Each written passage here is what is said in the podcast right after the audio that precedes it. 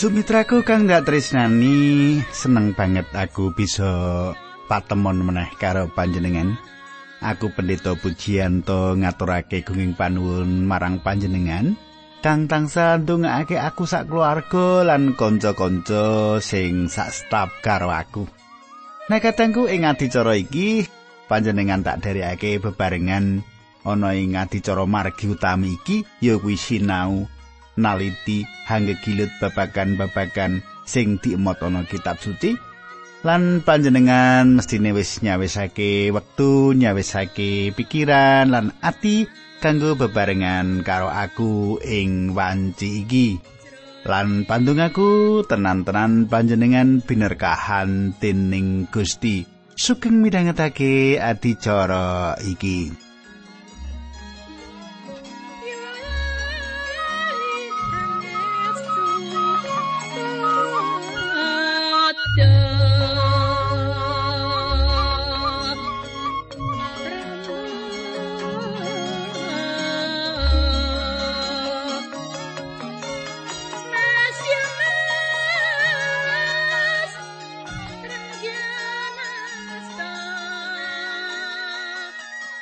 Katangku kang ndak tresnani.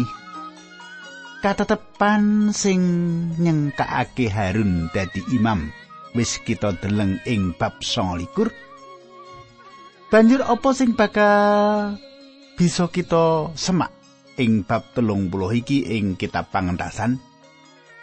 Nanging sadurunge kita ngancik ing bab telung puluh iki kita perlu ndedonga dhisik Nanging sadurunge tetunggu aku ngaturake salam dhisik ya. Salam dhisik marang Bapak Tarsisius Wagimin. Bapak Tarsisius Wagimin. Kados pundi Bapak Wagimin? Kok panjenengan sami kalian kanca kula sing wonten Lampung? Naminipun Wagimin ugi. Nggih mugi-mugi mboten Pak Wagimin, nanging Pak Wagimin kanca kula menika Yohanes Wagimin. Nggih kadang kula monggo kita tumungkul kita netunggu. Do Kanjeng Rama ing swarga kawula ngaturaken gunging panuwun menawi wedal menika kawula malih saged tetunggilan kalian sederek-sederek kawula ingkang setya midhangetaken adicara menika. Sampun kata serat ingkang meratelaken bilih adicara menika saged dados berkah kangge sanak kadang ingkang mirengaken lan kula nyuwun sepados sing wanci menika paduka tuntuni kanthi makaten Sedherek kawula menika ugi nampeni berkah saking paduka. Linambaran asmanipun Gusti kawula Yesus Kristus kawula netunggal haleluya amin.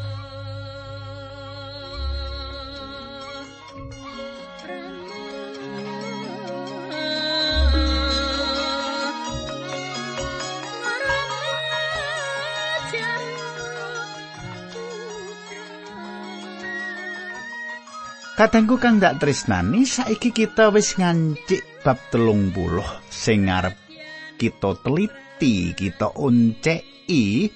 Yuki kita maca wiwit ayat siji teko papat. Nanging sepinsan maneh aku ngaturake karo panjenengan menawa apa kang ndak waca iki ing basa pedinan. Mangkene surasaning pangandikan. Ayat siji Dawe Gusti Allah maneh marang Musa gawe mesbeh saka kayu akasia kanggo ngobong dupa. Wujute pesagi ombolan dawane padha patang puluh lima cm, sarta dhuwure sangang puluh cm, sungu-sungu ing pojok papat dadi hiji karo mesbeh mau. Ing sisi dhuwur pinggiran mubeng lan sungu-sungune kudu dilapis nganggo mas murni sarta wenehana wengku mas mubeng. Gawe gelangan pikulan loro pasangan ing sangisoring wengku kiwa tengen kanggo ncelobokake pikulan semongso mesbe dipikul. Katangku prabotan piranti misbah sing pesagi mau diwenehi gelang-gelang. Amre apa? Amre bisa dipikul. Ing kitab Bilangan dipratelake ditulis yen nalika bangsa Israel mlaku ing ora samun karo mikul prabotane kemah suci. Saiki ayat 5 6 Pikulan mau kudu digawe saka kayu akasia sarta dilapis mas. Mesbeh kuwi selehno ing sanjabaning gorden sing ana ing sangarepe peti perjanjian. Ing panggonan kono aku bakal manggi kowe.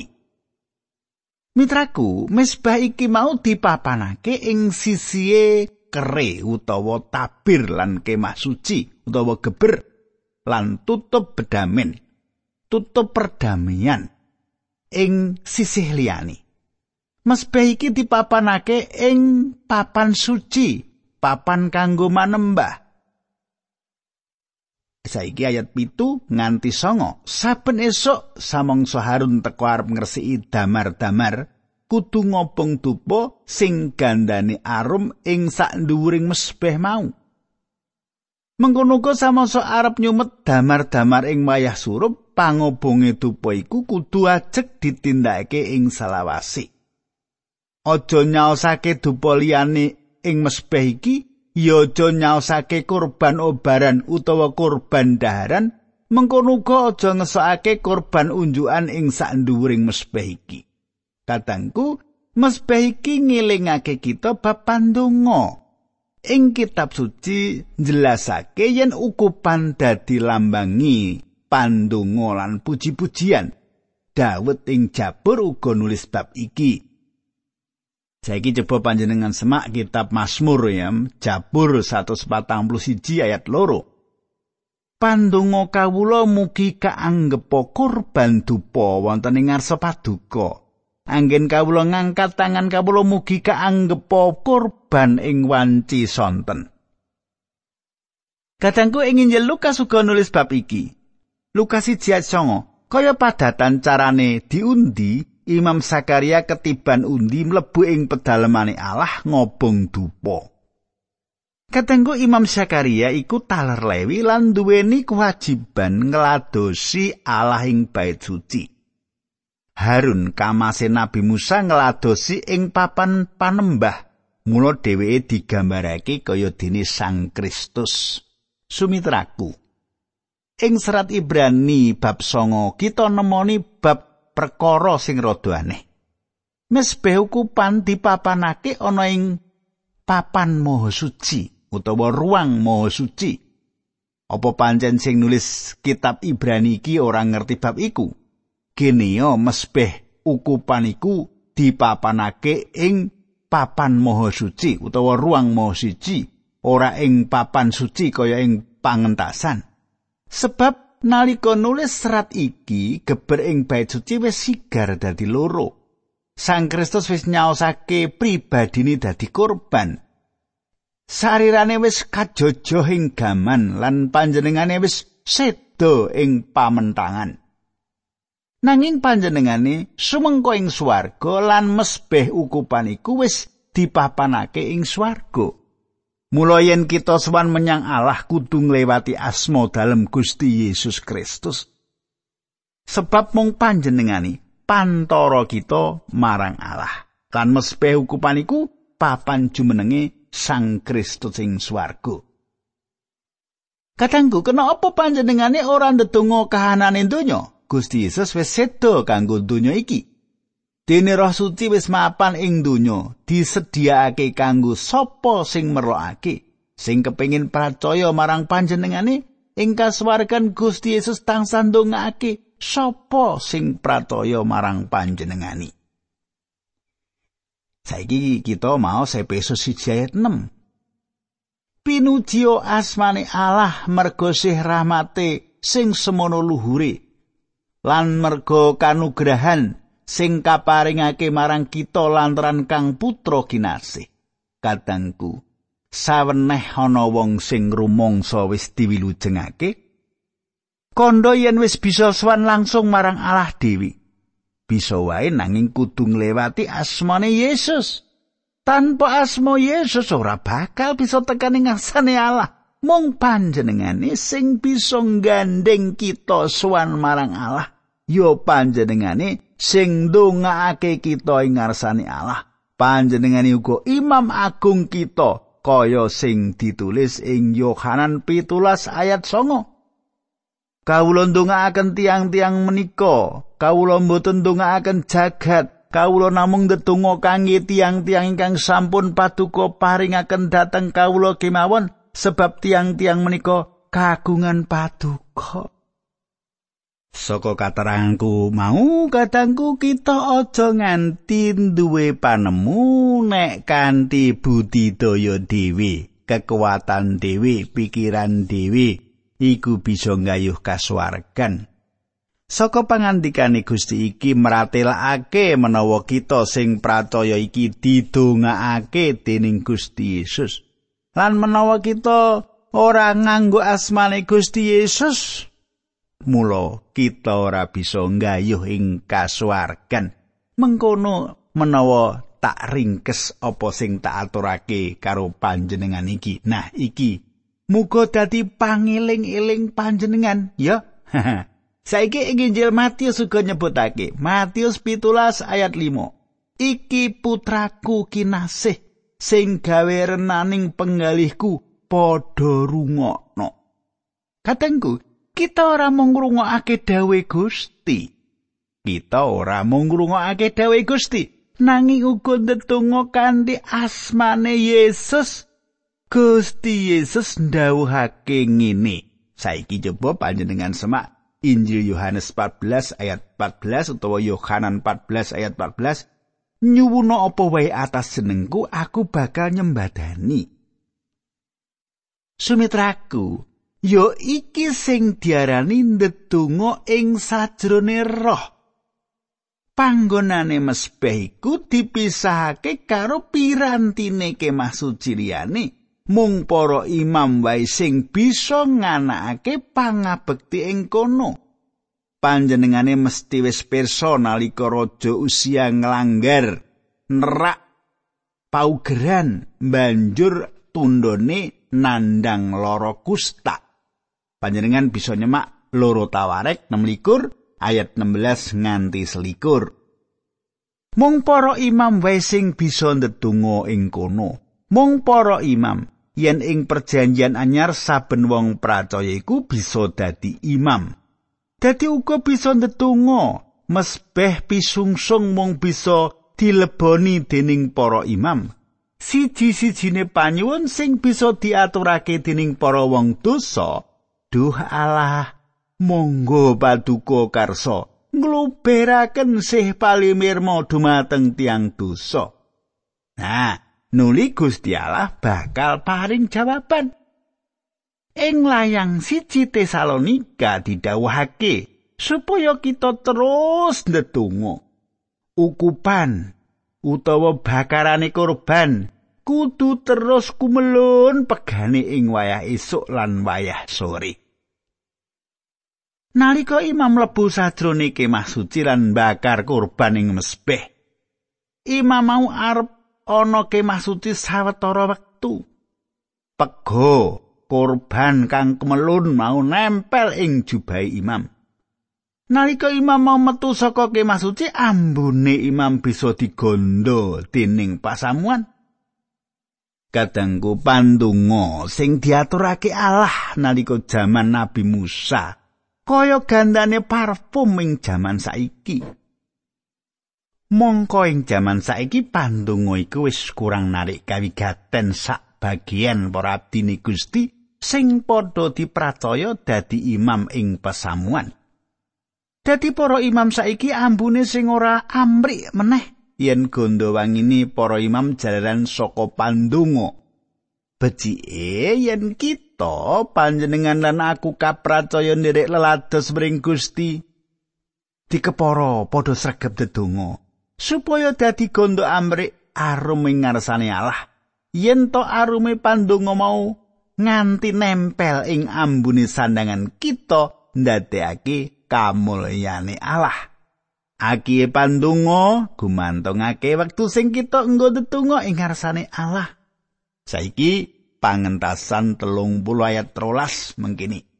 Semasa ngitung bangsa Israel saben wong kudu mbayar marang aku duit tebusane nyawani. Supaya sadurunge padha dicacahake ora kena ing wewelak. Ayat 13 sapa wae sing diitung mau kudu mbayar dhuwit manut katemtuaning rega dhuwit mau kudu dibayar dadi pisungsung kagem aku. Kadangku iki syarat sing kapindho saben wong Israel sing padha nyembah Allah kudu ditebus. Para kawula sing manembah mau kudu ditebus nuli uga disucikake panyucen iki sing nuntun kita marang bak kanggo panyucen. Bak sing digawe saka tembaga iki dipapanake ana ing sanjabane kemah suci cedhak karo mesbeh tembaga ya ing papan iki Gusti Allah kepareng ngurus dosane manungsa kanthi kurban. Saiki ayat pitulas nganti selikur pangendikane Allah marang Musa gawe padasan saka prunggu dasare ya saka prunggu bak mau pernahno ing antarane kemah lan mesbeh banjur isen ana banyu. Banyu mau kanggo Harun lan anak-anake supaya padha nindakake upacara sesuci. Sadurunge padha mlebu ing kemah utawa nyedhaki mesbeh perlu saus kurban daharan. Wong-wong mau wajib wisuh tangan lan sikil dhisik supaya ora padha mati. Pernatan iki kudu ditindakake dening Harun lan anak turune ing selawas-lawase. Kadangku senadyan imam ora kena mlebu ing kemah suci sadurunge disucikake luwih dhisik, imam dianggep wis reget nalika ing jabane kemah suci. Kaya dene kita urip ing donya sing kita lakoni iki, urip kita wis kebak ing jejember. Mula kudu disucikake luwih dhisik. Sawise gambaran sing nyata, Gusti Yesus miji sikile kabeh murid Nalika imam arep mlebu ing kemah suci, sing sepisanan kudu menyang mesbeh tembaga, sesuci sadurunge lan sakwise imam mau mlebu ing ruangan suci. Kanthi pangerten yen sapa sing kotor, sapa sing najis ora bisa ngladosi Allah. Allah ngersakake urip kita resik njaba lan jerone. Sumitraku, imam sing arep nglakoni kewajibane kudu resik ing gedhong pasucen sing saka tembaga. Kita uga nglakoni dosa kita yen kepengin sowan Sang Pamarta. Siji Yohanan siji ayat songo. Nanging menawa kita padha ngakoni dosa-dosa kita marang Gusti Allah, panjenengane bakal netepi janjine yen tumindak adil tema bakal ngapura sakaing dosa kita sarta ngresiki sakaing piolo kita. Kadangku gentong pasucen iki nggambarake kasucen kita awit saka kamirahane Kristus. Yen kita adreng kepengin ngladosi panjenengane, kudu disucakake luwih dhisik. Resik ateges suci, ora mung sandangan sing gondo arum, nanging badan kita kudu diresiki nganggo banyu sing bening. Banyu wening ya iku sabdane Allah. Gentong pasucen mau digawe saka tembaga. Gentong iki wis nyucikake para imam, iki nggambarake sabdane Allah. Yen saiki panjenengan ora perlu ngakoni dosa panjenengan ing ngarepe wong akeh, panjenengan mung perlu sowan ing ngarsane Sang Kristus. Gentong panyucen iku saiki wis ana ing swarga. Pancen ana benere yen saben dina Minggu kita padha ngakoni dosa bebarengan ana ing gereja. Biasane pengakon dosa iki dipimpin dening imam sing khotbah. Mesine kita ora ana sing wani yen kotor uripe. Kita kudu ngakoni dosa dhisik sadurunge mlebu ing kebaktian utawa paling ora ing wiwitan adicara kebaktian. Allah ora kepareng nampa wong sing nalika suwani ngarsani kanthi nggawa dosa. Mula disucikake dhisik lagi marek ing ngarsane. Saiki ayat selawe nganti ayat pitulikur tak waca iki. Lan gawe lenga upacara sing dicampur kaya lenga jebat. Campuran mau nggonen jebati kemah palenggahanku peti perjanjian. Meja lan sak pirantine kabeh pendamaran lan pirantine mesbeh kanggo ngobong dupa. Lan gawe lenga upacara sing dicampur kaya lenga jebat campuran mau nggonen jebati kemah palenggahanku peti perjanjian meja lan sak pirantine kabeh pendamaran lan pirantine mesbeh kanggo ngobong dupa. Sumitraku jebatan apa saiki sing sumadyo ing panjenengan? Jebatan saka Roh Suci. Kita sawise kajebatan secara pribadi dening panguasane Roh Suci, lagi bisa ngerti apa iku isine kitab suci.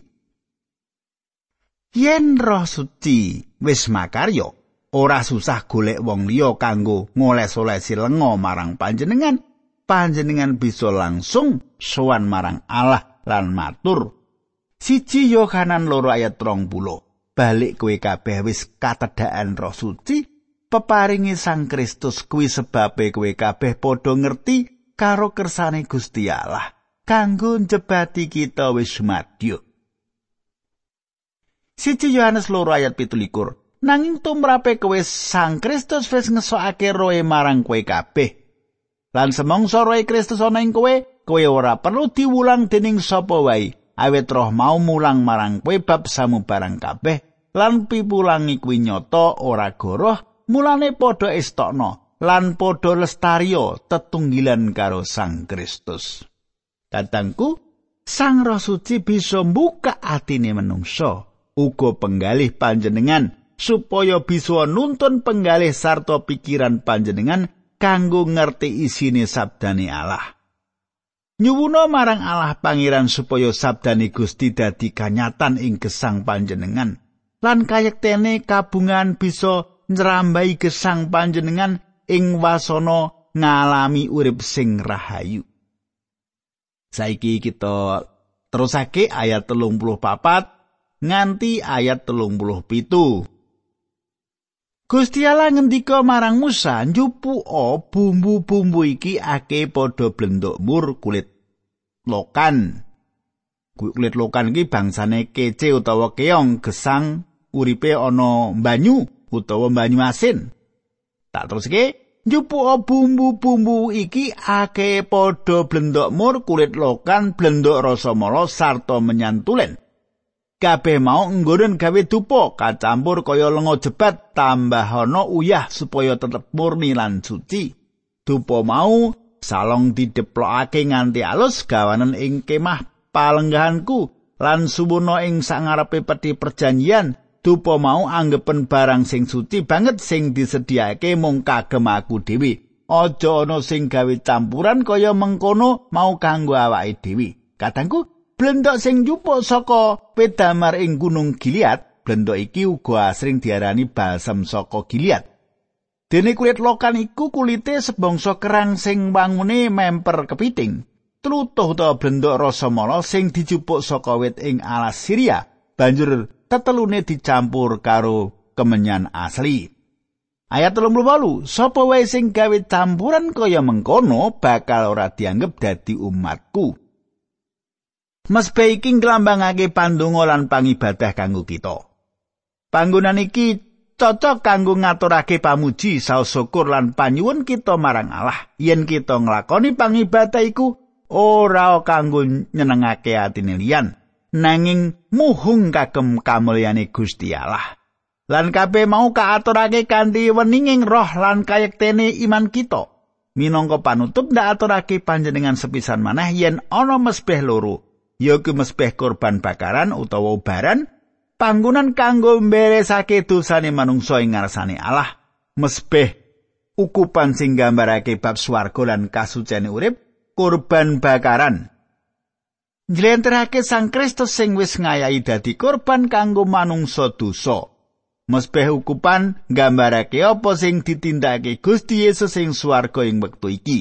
Uga gambarake pandonga kita lan nggon kita setya tuhuing pangibadah. Kejaba iku mesbe iki nggambarake Sang Kristus sing tansah ndongaake kita wong pracaya.